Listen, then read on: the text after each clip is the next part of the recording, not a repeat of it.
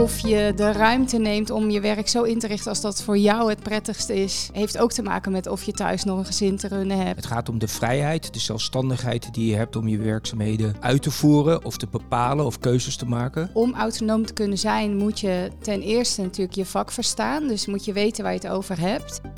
Medewerkers die verantwoordelijkheid pakken, een hoge moraal, meer werkplezier. Het zijn aspecten die elk bedrijf maar wat graag op de werkvloer terug ziet komen. En daarom wel eens aan autonoom werken gedacht? Ik ben John van Schagen en dit is De Wereld van Werken. Een podcastserie die je wordt aangeboden door Juno. Het adviesbureau voor nieuwe manieren van werken. Met in deze aflevering dus de autonome medewerker. Twee mensen binnen Juno die organisaties hiermee helpen zijn Linda Mostert en Pieter van der Laan. Ze zijn beide werkzaam als adviseur. Laten we eens beginnen met een definitie van autonoom werken. Want waar hebben we het dan eigenlijk over? een collega van ons heeft daar een hoop onderzoek naar uh, gedaan. Uh, wat we heel belangrijk vinden is dat je niet alleen meeneemt dat je keuzevrijheid hebt om de dingen te doen zoals je het zelf wilt. Dat is waar de meeste mensen aan denken. Maar dat je ook de dingen op zo'n manier kan doen dat het aansluit bij je eigen waarden en wat je zelf belangrijk vindt. Dat vind ik een hele belangrijke toevoeging, uh, die zij naar onderzoek ook meegenomen heeft. En dat merk je in het werk. Ja, dan voel je dus veel meer verbonden met datgene wat je elke dag doet. Exact. Pieter, betekent dit dan ook dat iedereen behoefte heeft aan oneindig veel vrijheid? Nee, niet per se. Ik zou het ook nog wel willen definiëren als een soort gezonde autonomie. Een gezonde autonomie in de zin van dus, dus dat je natuurlijk wel vrijheid hebt, maar wel binnen de kaders die ook eh, binnen de organisatie spelen. Sinds wanneer zijn we deze term eigenlijk gaan gebruiken? Autonoom werken? Nou, deze term zijn we de afgelopen jaren steeds vaker gaan gebruiken. Maar eigenlijk speelt hij al een hele lange tijd. Zoals in 2011, Ja Peters die al de focus leggen op de autonomie. En hij, hij, heeft daar een artikel ook over geschreven. De valkuilen van, uh, van het nieuwe werken. Uh, waarin hij aangaf is dat autonomie, uh, vakmanschap en verbinding juist belangrijk zijn. Ja Peters dus. Hij noemt zichzelf organisatieactivist en schreef meerdere managementboeken, waaronder de intensieve menshouderij en het Rijland Veranderboekje.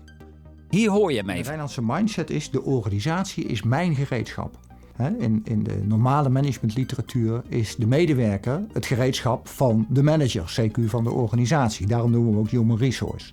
Dus waar begin je? Je begint eigenlijk bij die medewerker in de frontlinie en je vraagt aan die medewerker: wat heb jij nou nodig om je werk goed te doen? Waarom zou een organisatie hiernaar moeten streven? Dat is eigenlijk ook wel gekomen rondom uh, de coronaperiode. Uh, is dat we thuis gingen werken en we eigenlijk bewuster werden dat we uh, mensen eigenlijk best wel in staat zijn om zelf te bepalen van wat ze kunnen doen en waar ze kunnen werken. En uh, dat heeft eigenlijk zeg maar, een erkenning gegeven dat autonomie nog belangrijker is in het werk. En Linda, um, wat doet het met de motivatie van medewerkers? Want dat is ook belangrijk, hè? Klopt. Vaak wordt er gekeken naar drie uh, factoren als je de motivatie uh, zou willen verhogen. Bijvoorbeeld om in veranderingen mee te gaan. En waar wij natuurlijk uh, continu mee bezig zijn, nieuwe manieren van werken. Wat zorgt nou dat iemand wel of niet mee kan? En een van die drie is autonomie. En daarnaast heb je competentie en verbondenheid. Dus uh, uh, vertrouwen hebben dat je je werk goed kunt doen, dat je op de juiste manier verbonden bent met je uh, collega's en dat je het op zo'n manier kan doen dat het dus overeenstemt met jouw waarden en dat je het gevoel hebt dat je dus daar eigen keuzes in kan maken. Is het eigenlijk zinvol voor elke soort organisatie autonoom werken? Ja, maar er zitten wel grote verschillen. Uh, want je hebt natuurlijk uh, mensen in je organisatie die heel verschillend uh, type werk doen.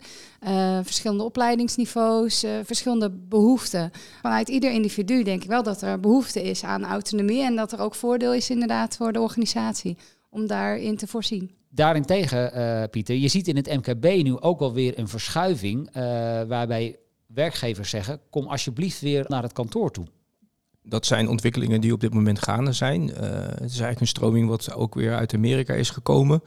Waar de behoefte is ontstaan om, uh, met name als het over innovatie gaat, om dat toch op kantoor te doen. Hoe wij het proberen te vertalen is dus, dus dat je juist kijkt dus van, van welke overleggen of samenwerkingsvormen wil je juist op kantoor doen. Eh, met elkaar uh, doen en dus uh, eventueel op kantoor uh, fysiek uitvoeren. En welke activiteiten zou je bijvoorbeeld, omdat het individuele activiteiten zijn, zou je die thuis kunnen doen. Dat gesprek wordt eigenlijk overgeslagen. Typisch voorbeeld wat je ook hoort is dat mensen zeggen van je mag minimaal twee dagen of maximaal twee dagen thuiswerken. En dan vragen wij ons af, waar komt dat dan vandaan? Waar, waarom zou je dan maximaal dagen willen instemmen? Het gaat er ons met name om wat voor werk verricht je en waar kan je dat werk het beste verrichten? En dan in relatie tot autonomie. Hè, en wat, welke werkzaamheden kan je zelf bepalen en welke werkzaamheden moet je juist met collega's afstemmen? Of met je klanten afstemmen om die werkzaamheden succesvol en productief te realiseren. Ja. Eh, eh, vaak wordt autonoom werken op één hoop geveegd uh, samen met thuiswerken. Maar dat is niet helemaal hetzelfde, toch, Linda?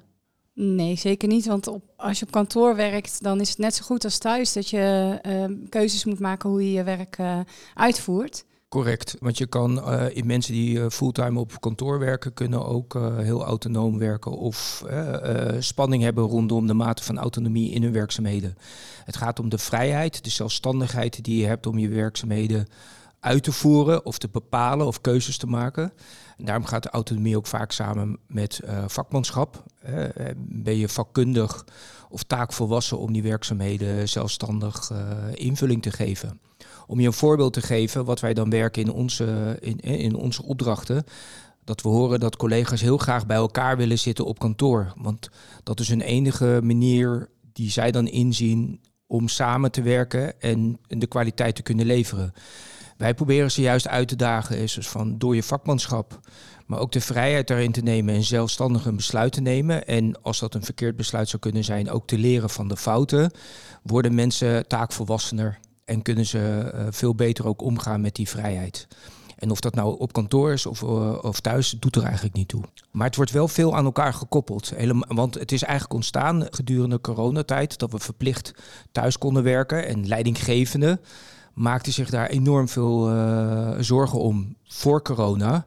Kon niet. Ja, en toen moesten ze tijdens corona. En toen kwamen ze erachter, hé hey, verrek, de productiviteit stort niet in één als je kijkt naar die drie motiverende factoren waar we het net over hadden, dan werd er een probleem verwacht op autonomie. Die zag je absoluut niet, maar die was er op verbinding. Verwacht werd, als mensen thuis zitten, zie ik niet wat ze doen. Terwijl natuurlijk op kantoor zie je ook niet wat mensen doen. Dan zie je misschien mensen achter een uh, scherm zitten, maar je weet ook niet wat ze aan het doen zijn. Uh, en dat vonden leidinggevenden best wel heel erg lastig. Want ja, je hebt uh, het gevoel van controle over wat mensen aan het doen zijn, heb je niet meer. Maar dat ging hartstikke goed. In veel organisaties werd zelfs aangegeven dat de productiviteit hoger was. alleen na een tijdje merkten mensen wel, ik ben hier erg alleen. Ik heb mijn netwerk binnen de organisatie niet op orde. dus ik weet niet waar ik moet zijn. Ik heb bijna geen contact over de dag heen. Daar ging het mis. Als je even kijkt naar het type mens dat autonoom werkt, kan iedereen het leren of moet het ook wel een beetje in je zitten? Daar zit nog veel ook, uh, denk ik, cultuur in. Wat is de opvatting binnen de cultuur over hoe je autonoom werkt? Hè? Uh, mag je tegen leidinggevende ingaan of is dat uit den boze? Hè? Mag je aangeven dat je dit eigenlijk niet het beste idee vindt? Nou, de Nederlandse cultuur is dat... Doen we dat graag? Ja, is dat dagelijkse praktijk. En dan is een besluit een startpunt van discussie en niet uh, het begin om het te gaan opvolgen. Uh, dus het heeft met cultuur te maken, heeft denk ik ook met je levensfase te maken. Of je de ruimte neemt om je werk zo in te richten als dat voor jou het prettigste is. Heeft ook te maken met of je thuis nog een gezin te runnen hebt. Of dat je net in dienst bent en denkt van nou, ik uh, hou me nog even koest. En ik denk wel dat je uh, steeds beter leert wat voor jou werkt. En hoe groot die autonomie moet zijn. En waar je bijvoorbeeld wel echt behoefte hebt aan kaders. Eh, kaders, dat is inderdaad een, een, een, mooi bruggetje. Want kaders stellen, dat is een taak van de leidinggevende. Wat vraagt het van een manager, Pieter? Ik zou niet gelijk zeggen van dat je nou kaders moet stellen. Ik denk waar het om gaat is de relatie te vinden tussen uh, de autonomie die past bij de waardes en de interesses van de, van de medewerker. Uh, of de rol die medewerkers hebben als je hem wat breder trekt. Kaders geeft al wel heel duidelijk weer aan dan is van uh, bepaalde beperkingen. En dat je eigenlijk ook nog wel op zoek moet gaan. Dus, dus van ja, de beperkingen eigenlijk omzetten in de mogelijkheden die een, uh, een medewerker of een groep medewerkers hebben om hun uh, taak uh, en rol goed, goed uit te voeren. Ja, maar eerder zei je ook nog dat het niet betekent dat je onbeperkte mate van vrijheid geeft aan medewerkers. Dus, dus wat is dan die rol van die leidinggevende? Nou, ik vind de rol van de leidinggevende is veranderd eigenlijk ook best wel wat complexer geworden zeg vijf jaar geleden kon je nog heel erg op aanwezigheid sturen. En dan was er een soort ja, situaties van als iemand aanwezig is, dan is hij aan het werk. En nu zit je veel meer te kijken als van levert iemand resultaten en kwaliteit. En die combinatie die is met name belangrijk om uh, ook met medewerkers, met werknemers te bespreken. De output die iemand levert. Ja, en de kwaliteit daarvan. Uh, of dat ook binnen de, de, de tijdmarge is bijvoorbeeld. Zijn leidinggevende heeft veel meer een rol ook gekregen om nog meer te luisteren naar zijn werknemers van hoe ze erin zitten.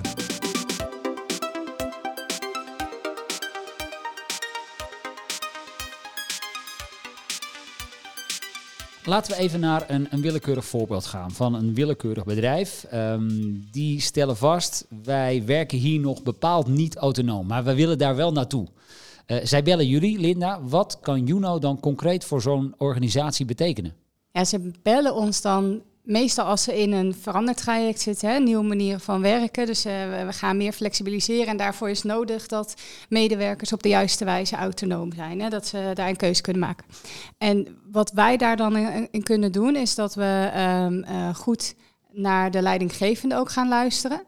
Wat zijn jullie eigenlijk met je team aan het doen? Wat verwacht je van jouw team in deze verandering? Uh, hoe zit je er zelf in? En dat we hun ook kunnen gaan helpen om in het team aan vertrouwen te gaan werken. Ja, is dat, is dat Daar, echt heel belangrijk? Dat is wel heel belangrijk, ja. Want um, om autonoom te kunnen zijn, moet je ten eerste natuurlijk je vak verstaan. Dus moet je weten waar je het over hebt. Hè. Moet, je, moet je weten wat je doet en ook aangeven als, je, uh, als er iets misloopt. Maar als jij het vertrouwen niet krijgt vervolgens om het te doen, dan kom je nergens. Dan kan je nog zo vakbekwaam zijn, maar er hoort vertrouwen bij om op het vakmanschap van mensen uh, te kunnen leunen. En, en dat is denk ik ook een taak van leidinggevende, om aan het vertrouwen te bouwen, te, te herstellen als het er niet meer is. Um, en is dat tegelijkertijd iets dan wat leidinggevenden soms nog wel eens willen onderschatten? Ja, dat denk ik wel. De, uh, ik denk wel dat er vaak vanuit wordt gegaan als processen op orde zijn. Het is allemaal helder, mensen weten wat ze moeten doen, zijn goed opgeleid. Dan komt dat werk ook wel goed. Terwijl vertrouwen een heel belangrijke factor is. Dus als jij ook het tempo erin wilt houden, wilt innoveren, en dan is uh, vertrouwen daarin uh, key.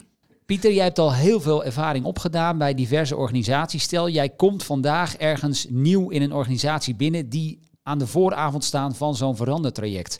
Hoe help jij hen dan? in de basis zijn we altijd eerst bezig om een, om een gevoel te krijgen wat de impact van de verandering is. Hoe groot is de verandering? Uh, daar staan wij als, uh, als Juno ook voor, om juist die diagnose goed te stellen tussen de huidige situatie en de toekomstige situatie. De gewenste situatie. Correct. En waar we ook heel erg naar willen kijken is dus vaak of die uh, gewenste situatie ook realistisch is. Dus wat we bij directies horen is een bepaalde ambitie. Maar we willen ook altijd graag toetsen van of die ambitie ook te halen is binnen de constellatie van een organisatie op dit moment. En zie je daar ook wel eens een mismatch qua verwachtingen? Uh, eigenlijk altijd. Altijd zelfs. En, en is het de taak om, ik vind het dat het onze taak is om directies mee te geven wat de eventuele consequenties zijn van de haalbaarheid van, uh, van zo'n ambitie. Oké, okay, en dan stel je vervolgens zo'n ambitie vast en jullie hebben onderzocht of die haalbaar is. Nou, stel even, hij is haalbaar. Wat dan? Nou, dan stap je er ietsje te snel overheen, want die haalbaarheid zit vaak dan in is van hoeveel tijd en energie je mag steken in de begeleiding van mensen. Om een praktisch voorbeeld te geven, kunnen we tot de constatering komen dat de managers nog niet de manier van leiding geven, uh, gericht bijvoorbeeld op uh, autonomie. Hè, en, de, en de mensen mee te nemen en goed het gesprek aan te gaan met medewerkers om er zoveel mogelijk uit de medewerkers te halen. Dat betekent dat de, dat de leidinggevenden daar met elkaar of zelfstandig in gesprek over moeten gaan hoe ze hun leidinggevende stijl kunnen aanpassen. Dus daar begint het mee. Dus die nee, feite niet zozeer bij de medewerker, maar eerst bij de rol van de leidinggevende. Die is net zo belangrijk als natuurlijk bij de medewerkers. En de leidinggevenden kunnen helpen, kunnen medewerkers ook helpen in die verandering. En dat gaat dan tijdens sessies, neem ik aan. Dat, dat zou in, in, uh, individueel uh, kunnen. Dus bijvoorbeeld door coaching. Dat zou ook door opleiding kunnen zijn voor specifieke leidinggevenden. Maar dat kan ook in bijvoorbeeld in wat we dan intervisiesessie noemen. Dan gaan eigenlijk leidinggevenden met elkaar in gesprek over de verandering. En hopelijk leren ze van elkaar van hoe doe jij het en hoe doe jij het. Dat zou dan activiteiten zijn die je dan zou kunnen ontplooien uh, vanuit een, een HR-perspectief. Waarom zou ik dit als organisatie niet zelf kunnen? Vreemde ogen dwingen. Zo werkt het dus. Vaak is het wel is, is dat ze het fijn vinden om te horen van hoe anderen het doen. Dus afkijken is ook een leermethode die succesvol kan zijn. En wat ook wel vaak is, is, is dat organisaties eigenlijk hier geen tijd voor hebben ingeruimd. Eh, dus dan zelf het op dat moment dan niet de capaciteit of de tijd hebben om het op te pakken. En dan een, een ander vragen, uh, bijvoorbeeld aan Juno, om dat dan uh, te begeleiden. Ook omdat het vaak gerelateerd is, in ons geval dan aan hybride werken, bijvoorbeeld in een, een, andere werkomgeving. Dus proberen ze een, een combinatie te vinden, die verbinding te zoeken tussen een manier van werken en dan concrete afspraken maken op, bijvoorbeeld eh, hybride werken, dus thuiswerken of een andere manier van werken op kantoor. En daar kom je dan ook, hè, uh, als je fris binnenkomt, bijvoorbeeld achter dat uh, het verhaal wat er omheen wordt verteld, uh, niet compleet is of niet logisch is. En dat is als buitenstaander en als uh, ervaren partij in dit soort veranderingen, is dat sneller uh, te detecteren dan wanneer je er zelf middenin zit en in die organisatie werkzaam bent. Dus wij zitten ook vaak heel in de rol dat we een stuurgroep of een projectgroep adviseren van jongens, ga nou een helder verhaal vertellen. Want dan kom je een klein beetje op die kaders. Als mensen weten welke kant we op gaan, dan kunnen ze ook zelf, als ze zien van hé, hey, hier ligt een kans of een bedreiging voor ons team, kunnen ze dat ook gaan aangrijpen. En kunnen ze dus zelf ook ondernemend zijn binnen de richting die de organisatie opgaat. Want jij zegt als het verhaal niet klopt of niet compleet is, dan leidt dat al heel snel tot weerstand. Uh, dan leidt dat tot onduidelijkheid en dan leidt dat ook tot inactiviteit. Dus je slaat eigenlijk het ondernemerschap in de organisatie dood om die activiteiten juist een push te geven, passen jullie verschillende methodes toe. Uh, Kun je daar iets over vertellen? Een van de dingen waar we eigenlijk sinds jaar en dag al mee bezig zijn, is dat we um, uh, vroeg, in een vroeg stadium alle praktische informatie van belanghebbenden gaan lospeuteren, tot vervelend toe bijna. Hè? Maar dat we weten, uh, voordat we eigenlijk mensen gaan begeleiden in zo'n verandering, dat we weten hoe gaat het straks met printen. Hoe gaat het met de postdistributie? Zo Hoe basic. gaat het met de, zo basic dat we dat eigenlijk verzamelen in wat we vaak noemen een flex ABC. Dat je dus echt, als je een idee hebt van jongens, onze postprocessen zijn niet passend bij hoe we straks gaan werken dat je kunt gaan kijken van hoe gaan we straks eigenlijk post distribueren als we flexibele werkplekken hebben. Oh, wacht even. Nou, dan kunnen we dus ons eigen proces alvast onder de loep gaan nemen. Dan kunnen we daar al mee aan de slag. En dat hebben we bij meerdere organisaties hebben dat soort voorbeelden uh, gezien. En als ik dan wil weten hoe dat zit met mijn toekomstige werkplek, ga ik naar de W van werkplek dus. Ja, Precies, en dan kun je bijvoorbeeld zien wat voor soorten werkplekken zijn er straks. Kan ik die reserveren tot op dat niveau? Want dan uh, kun je dus ook uh, ondernemend zijn. En als je iets uh, vooraf wilt aanpakken met jouw team, om goed voorbereid te zijn op die verandering, dan kun je ermee aan de slag. De Flex ABC dus. Flex ABC. Daarnaast, Pieter, hebben we ook de readiness check. Ja, de readiness check hebben we ontwikkeld om actief te kijken hoe medewerkers uh, klaar zijn voor de verandering. Uh, we weten al door jarenlang uh, dit soort werkzaamheden te verrichten welke zorgen mensen hebben rondom nieuwe manieren van werken of hybride werken aspecten. En die, door die actief uit te vragen bij medewerkers. En ze eigenlijk te schalen in hoeverre ze klaar zijn. van één, van ik ben er helemaal klaar voor, ik zie geen zorgen. Tot vijf, ik maak me er heel veel zorgen om en we dan nog doorvragen waar die zorg dan ongeveer ligt, krijgen we een beter beeld aan de ene kant is dus van hoeveel mensen maken zich nou zorgen uh, op die verandering. En we kunnen dan ook gelijk met ze in gesprek gaan, omdat we dat uh, digitaal doen. Zien we dan anoniem eens van hè, hoe, hoeveel mensen waar dan uh, de zorg hebben, hebben zitten. En als je dat in teamverband zou kunnen doen, bij voorkeur het organisatorische team bij elkaar, kunnen we gericht het gesprek aangaan en uh, daarover hebben. Dat bespaart heel veel tijd voor medewerkers en managers, want die maken zich daar juist altijd zorgen om. Maar kunnen we heel gericht eigenlijk de verandering aangaan. Zo kregen we bij een financiële instelling een aantal jaren terug kregen we echt de ruimte om uh, uh, iedereen uh, goed te begeleiden. Er was echt veel ruimte voor gemaakt. Dan hebben we die readiness checks gedaan. Daar kwamen ook inderdaad zorgen uit waarbij we onderscheid konden maken van zit dat hem in praktische zaken? Maak je je zorgen of je je werk nog wel goed kan doen? Zit dat hem in de verbinding, de samenwerking? Moeten we daar afspraken over maken? Of zit het bijvoorbeeld in persoonlijke voorkeur, autonomie? Hè? Mag ik het zelf bepalen? Uh, hoe dat er straks uit gaat zien. En um, uh, dan uh, kun je dus ook gericht je communicatie weer daarop afstemmen. En dan kun je ook gericht acties uitzetten om mensen te gaan helpen. En we hebben van onze opdrachtgever daar een prachtige uitspraak gekregen. Dat ze zei van vooraf had ik niet verwacht dat het zoveel zou doen. Maar het heeft ons echt heel veel tijd achteraf bespaard. Ja, wat ik een beetje tussen de regels doorlees is en met zo'n flex ABC en met zo'n readiness check is dat je in feite al een soort van ja, pre-mediation doet. Dat je conflicten en gedoe in de toekomst voorkomt. Ja, dat je jezelf beter voorbereidt inderdaad. Want het is al best wel lastig als je niet gewend bent in een flexibele werkomgeving bijvoorbeeld te werken. Om je daar echt een voorstelling bij te maken. Wat dat betekent voor je samenwerking, voor je werkprocessen. Dan vraag je al best wel veel van het voorstellingsvermogen van mensen. Maar doordat je al die praktische informatie duidelijk maakt. Uh, goed aan mensen kan laten zien. Jongens, dit is de plattegrond. Dit zijn de werkafspraken die we algemeen hebben. Hoe klaar zijn we daarvoor? En dat checkt met zo'n readiness check. Uh, merk je wel dat je dan dat voorstellingsvermogen heel eind helpt. Dus actiegericht veranderen, uh, geen polsgelanddag. Kijken naar waar, uh, waar de spanning zit en met elkaar, hè, dus vanuit een, uh, een volwassen blik, de medewerkers ook meenemen als, als iemand die zelf de, de oplossing verzint. Kijken hoe ze daar dan mee omgaan en hoe ze daarmee verder gaan. Ja, Linda, nu gaf jij net een, een mooi voorbeeld, maar jullie doen dit natuurlijk al veel langer en ook bij veel meer organisaties. Wat, wat krijg je zoal terug? Ja, dat is wel leuk inderdaad. Uh, dat je dat, want ik heb ook begrepen, dat is voor mijn tijd. maar dat er ook een tijd is geweest dat er eerst nieuwe werkomgevingen, nieuwe digitale omgevingen werden opgeleverd. En dan gingen daarna gingen er mensen als soort politieagent door de werkomgeving om te gaan corrigeren welk gedrag allemaal niet klopt en niet juist was. Dat lijkt mij persoonlijk in het kader van autonomie niet zo prettig.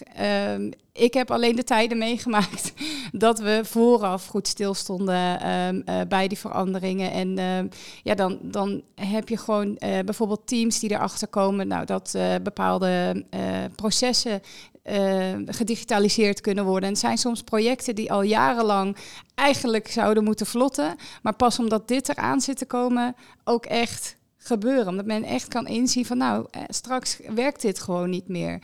En dan gaat zo'n uh, traject ineens een stuk sneller. En je noemt digitalisering. Zo heb je ook nog een voorbeeld bij een zorginstelling waar je ook wel weerstand proefde tegen die verandering. Ja, want in die readiness check maken we vaak onderscheid tussen uh, veranderingen in de fysieke omgeving, de digitale uh, werkomgeving en uh, houding, sturing en gedrag. Um, en daar merkten we vooral dat er in die digitale uh, component, daar zat gewoon heel veel zorgen en heel veel uh, ja, tegenzin. Omdat mensen willen gewoon aandacht besteden aan hun cliënt. En alles wat je aan IT, eh, administratie en dingen moet doen, is gewoon ruis. Dus mensen wilden daar eigenlijk gewoon niet in mee. En daar hielp het wel dat we in dat gesprek over die readiness check ook konden aangeven met elkaar. Jongens, dit zit er gewoon aan te komen. En al zou je bij een concurrent gaan werken, die digitaliseren ook. En in dat gesprek kwamen we erachter dat er een aantal waren in dat team die wel heel veel affiniteit hadden met IT. En die konden hun collega's gaan helpen, waardoor het in ieder geval dat gevoel van ballast en ruis en ik moet iets nieuws leren digitaal gezien eraf ging. Um, dan tot slot nog even. Heb jij nog een paar concrete tips voor organisaties die hier het liefst al vandaag mee aan de slag willen? Uh, nou, die praktische informatievoorziening dus vroeg op orde brengen, vind ik een hele belangrijke, zodat je het ondernemerschap in de organisatie uh, steunt werken aan een eenduidig verhaal. Dat mensen ook weten welke kant gaan we algemeen op, zodat ze kansen en bedreigingen kunnen aangrijpen. Um, en ook een hele belangrijke vraag aan de mensen in de frontlinie wat zij nodig hebben om hun werk goed te kunnen doen. En misschien ook wat heb je van mij nodig als leidinggevende. Vraag het gewoon aan de mensen die het werk doen. Dat is ook iets wat we van uh, de eerder genoemde Jaap Peters hebben meegekregen. Die, die zegt niet leiding geven als één woord, maar zegt leiding geven. Twee woorden. Zodat je je werk goed kan doen. Ja, en als aanvulling op die, uh, die tips zou ik willen meegeven nog eens van doe het in kleine stapjes. Kleine stapjes proberen resultaten te boeken. En zodra je resultaten hebt, pak je weer een volgende uitdaging aan. Daarmee eh, boek je ook succes, kan je ook aantonen dan. En daar raken mensen ook gemotiveerd uh, door. En daaraan toegevoegd is ook nog eens van uh, zorg dat je in ieder geval niet focust op de uitzonderingen. Dat zien we nog wel eens gebeuren dat er te veel wordt gefocust op de uitzonderingen. Eh, maar kijk naar de, naar de grote gemene deler en focus je daarop. En dat zei Pieter van der Laan, net als Linda Mostert, adviseur bij Juno. Zie jij het ook wel zitten? Verantwoordelijke medewerkers die effectiever zijn en meer werkplezier uitstralen? Stuur dan vandaag nog een mailtje naar info.juno.com. Dat is Griekse ei, dubbel N-O. Juno dus. Ook als je andere vragen over het nieuwe werken hebt trouwens. In de volgende aflevering gaan we het hebben over het kantoor van de toekomst. Dat de functie van dat kantoor gaat veranderen, dat staat zo ongeveer wel vast. Maar hoe dan precies en wat betekent dat eigenlijk voor jouw organisatie? Nou, gewoon even luisteren dus en je hoort de antwoorden. Dit was De Wereld van Werken. Bedankt voor het luisteren. Wij komen zoals gezegd snel weer bij je terug met nieuwe podcasts.